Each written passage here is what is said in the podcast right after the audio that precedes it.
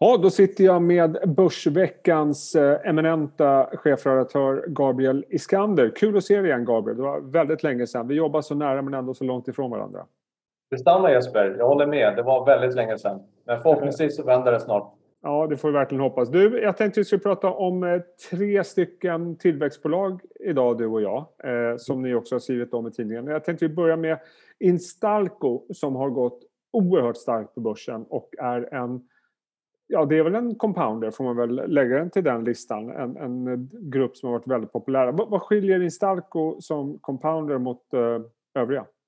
Mm. Instalco är ju definitivt en compounder och med det så menas att man har en förvärvsdriven strategi. Då. Eh, eh, det som skiljer Instalco från de andra är att man köper löpande mindre firmor inom installationsbranschen eh, där man verkar, framförallt i Sverige. Då. Instalco köpte 18 firmor under förra året och eh, adderade till ungefär 1,5 miljarder i, i eh, årlig omsättning via de här förvärven. Eh, man köper dem för en låg multipel, precis som de flesta compounders, 3 till 5 gånger ebit, värderas själva på börsen till betydligt högre multiplar. Det som också är väldigt positivt med Instalco är att de faktiskt aldrig har tagit in pengar för de här förvärven utan det sköter man med den egna kassaflödesgenereringen i, i bolaget. Så att det är ju väldigt positivt eh, att kunna växa med, med egen kraft så att säga. Och framförallt så handlar det om att de har gjort det här under en eh, jättebra liksom, kostnadskontroll. Lönsamheten är i princip konstant och eh, man växte som sagt 25 procent under förra året. Och det, är liksom, det, är, det blir ju eh, en vinsttillväxt på 25 procent i och med att lönsamheten inte eroderas på något sätt utan eh, tvärtom att eh, man har ju sett att man kan få fram väldigt goda synergieffekter också, framförallt på försäljningssidan. Och, om man tittar på era prognoser, 25 tillväxt räknar du med i eh, förra året och även i år och sen tror jag var 15 om, om två år. Ingår förvärv i de eh, framtida prognoserna? Mm.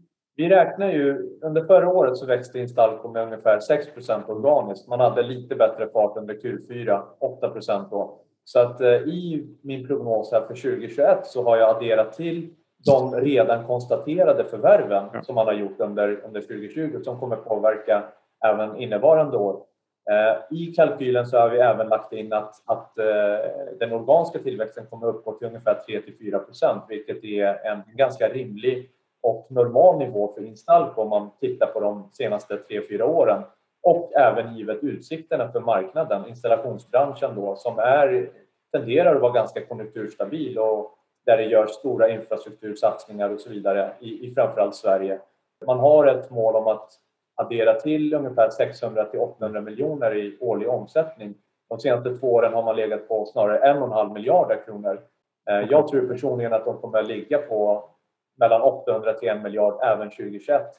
Det är en väldigt fragmenterad marknad. De har en väldigt stark balansräkning trots de här 18 förvärven man gjorde i fjol. Då. Eh, så att eh, det finns väldigt goda möjligheter för bolaget.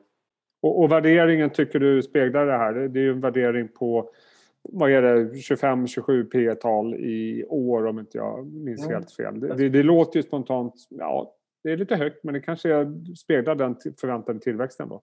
Om vi tittar på ev-ebita så är, ligger den ungefär på, på runt 20 gånger för, för 2021 men den mm. faller ju snabbt också när vi blickar framåt och eh, jag tror ju att det här bolaget kommer kunna växa tvåsiffrigt i, ja, eh, under de närmsta 3, 4, 5 åren. Mm, ja, intressant. Vi går över till en, en eh, riktig eh, högtillväxtbolag. Få som slår bolaget, eh, desto fler som har underskattat det här bolaget. Eh, Sinch, eh, det var ju fenomenalt 2020 med en enormt stark tillväxt och det förväntas ju vara en väldigt stark tillväxt i år också med tanke på de förvärven som de har gjort. Jag tror de hade 40 organisk tillväxt i, i fjärde kvartalet cirka, vilket är en fantastisk siffra. Men är det inte också en siffra som man nästan måste leverera med tanke på hur kursen har gått och hur multiplarna ser ut? Man verkar på en väldigt, väldigt het marknad inom kommunikationstjänster då och har eh, verkligen breddat sig nu de senaste åren med, med, med hjälp av förvärv. Eh, bolaget växer ju organiskt 30-40 procent och eh, marknaden i sig växer ju tvåsiffrigt så det är en väldigt het marknad och pandemin har ju också drivit på den här digitaliseringen så att man verkar på en väldigt fragmenterad marknad dessutom så det finns ju väldigt mycket att konsolidera. Många bolag där ute är väldigt små fortfarande inom detta segment. Det Sinch har gjort är att man har tagit på sig ledartröjan egentligen och är det bolaget som tydligast har velat konsolidera den här heta branschen. Framför allt har man växlat upp ordentligt i USA. Där har i princip alla de här stora techbolagen på kundlistan. Med det så kommer de kunna växa även organiskt med de här stora jättarna som Microsoft och Apple och Google och allt vad de heter. Tittar man på den här resan de har gjort, jag menar 2019 så omsatte bolaget 5 miljarder kronor. I år så tror vi att den omsättningen kommer säkerligen komma upp till någonstans mellan 15 till 15,5 miljarder. Det är en fantastisk resa man har gjort. Man har gjort det under bibehållen lönsamhet. Det här sista förvärvet man gjorde förra veckan som aviserades utav Intellicent då som de heter, det här amerikanska bolaget som man köper. Det adderar ju bara det 5 miljarder kronor i omsättning när det väl integreras med start av andra halvåret 2021. Jag tror att bolaget kommer kunna nå ungefär 20 miljarder redan 2022. Vilket i sig är häpnadsväckande. Så länge man kan göra det under god lönsamhet så tror jag att det här är värdeskapande. Tittar man på det här sista förvärvet man gjorde så har det här bolaget en EBITDA-marginal som är dubbelt så hög som vad Sinch har presterat de senaste två åren. Jag tror att den här tillväxtresan kommer fortsätta. Självklart är det så att man måste se nyktert på det. Kursresan är ju fenomenal. Man lockas ju av att ta hem vinsten i det här. Så länge bolaget presterar operativt och kan också konsolidera den här heta branschen så tror jag inte man ska vara alldeles för snabb med att sälja den här aktien. Samtidigt så vi har ju sett en fenomenal tillväxt och lönsamheten ser ut att enligt era prognoser stiga, vilket är ju fantastiskt. Min enda huvudbry lite grann, det är väl att för några år sedan då var det här nästan ett okänt bolag. Det var nästan ingen som förstod bolaget och därmed så liksom överskattade de liksom hela tiden kom de och levererade betydligt bättre än vad marknaden trodde. Nu är det ju mer genomanalyserat, många känner till det och tittar man på skuldjusterade multiplar så tycker ändå jag det ser högt ut. Kanske är helt välförtjänt. Hur tänker du kring värderingen? Det är klart att det är höga multiplar, men jag tror inte att det är värderingen i sig som kommer knäcka den här aktien, utan det måste till något annat. Ja. Tillväxtförutsättningarna är kanske bland de bästa när man tittar lite brett på börsen. Jag tror ju att den här marknaden kommer fortsätta växa tvåsiffrigt i många år till.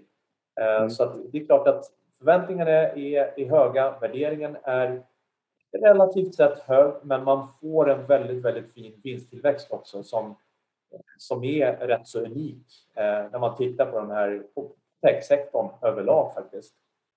Ja, eh, vi avslutar med någonting helt annat och det är Nyfosa som tillhör en sektor som en av få som inte har återhämtat sig fullt ut efter eh, pandemiraset för snart ett år sedan. Eh, nyfosa är väl ner kanske 15 procent på ett år, något sånt där. Lite bättre än fastighetssektorn överlag, men inte så mycket. Eh, det finns fortfarande oro i sektorn vad gäller kontorsytor och butiker och så vidare. Vad är det som gör att Nyfosa i det här klimatet känns mer attraktivt än sektorn överlag, tycker du? Det här är ett bolag som skiljer sig lite grann från de övriga. Eh, då det är, jag skulle säga att det är kanske det mest opportunistiska bolaget. Man köper där andra kanske inte primärt letar i första hand.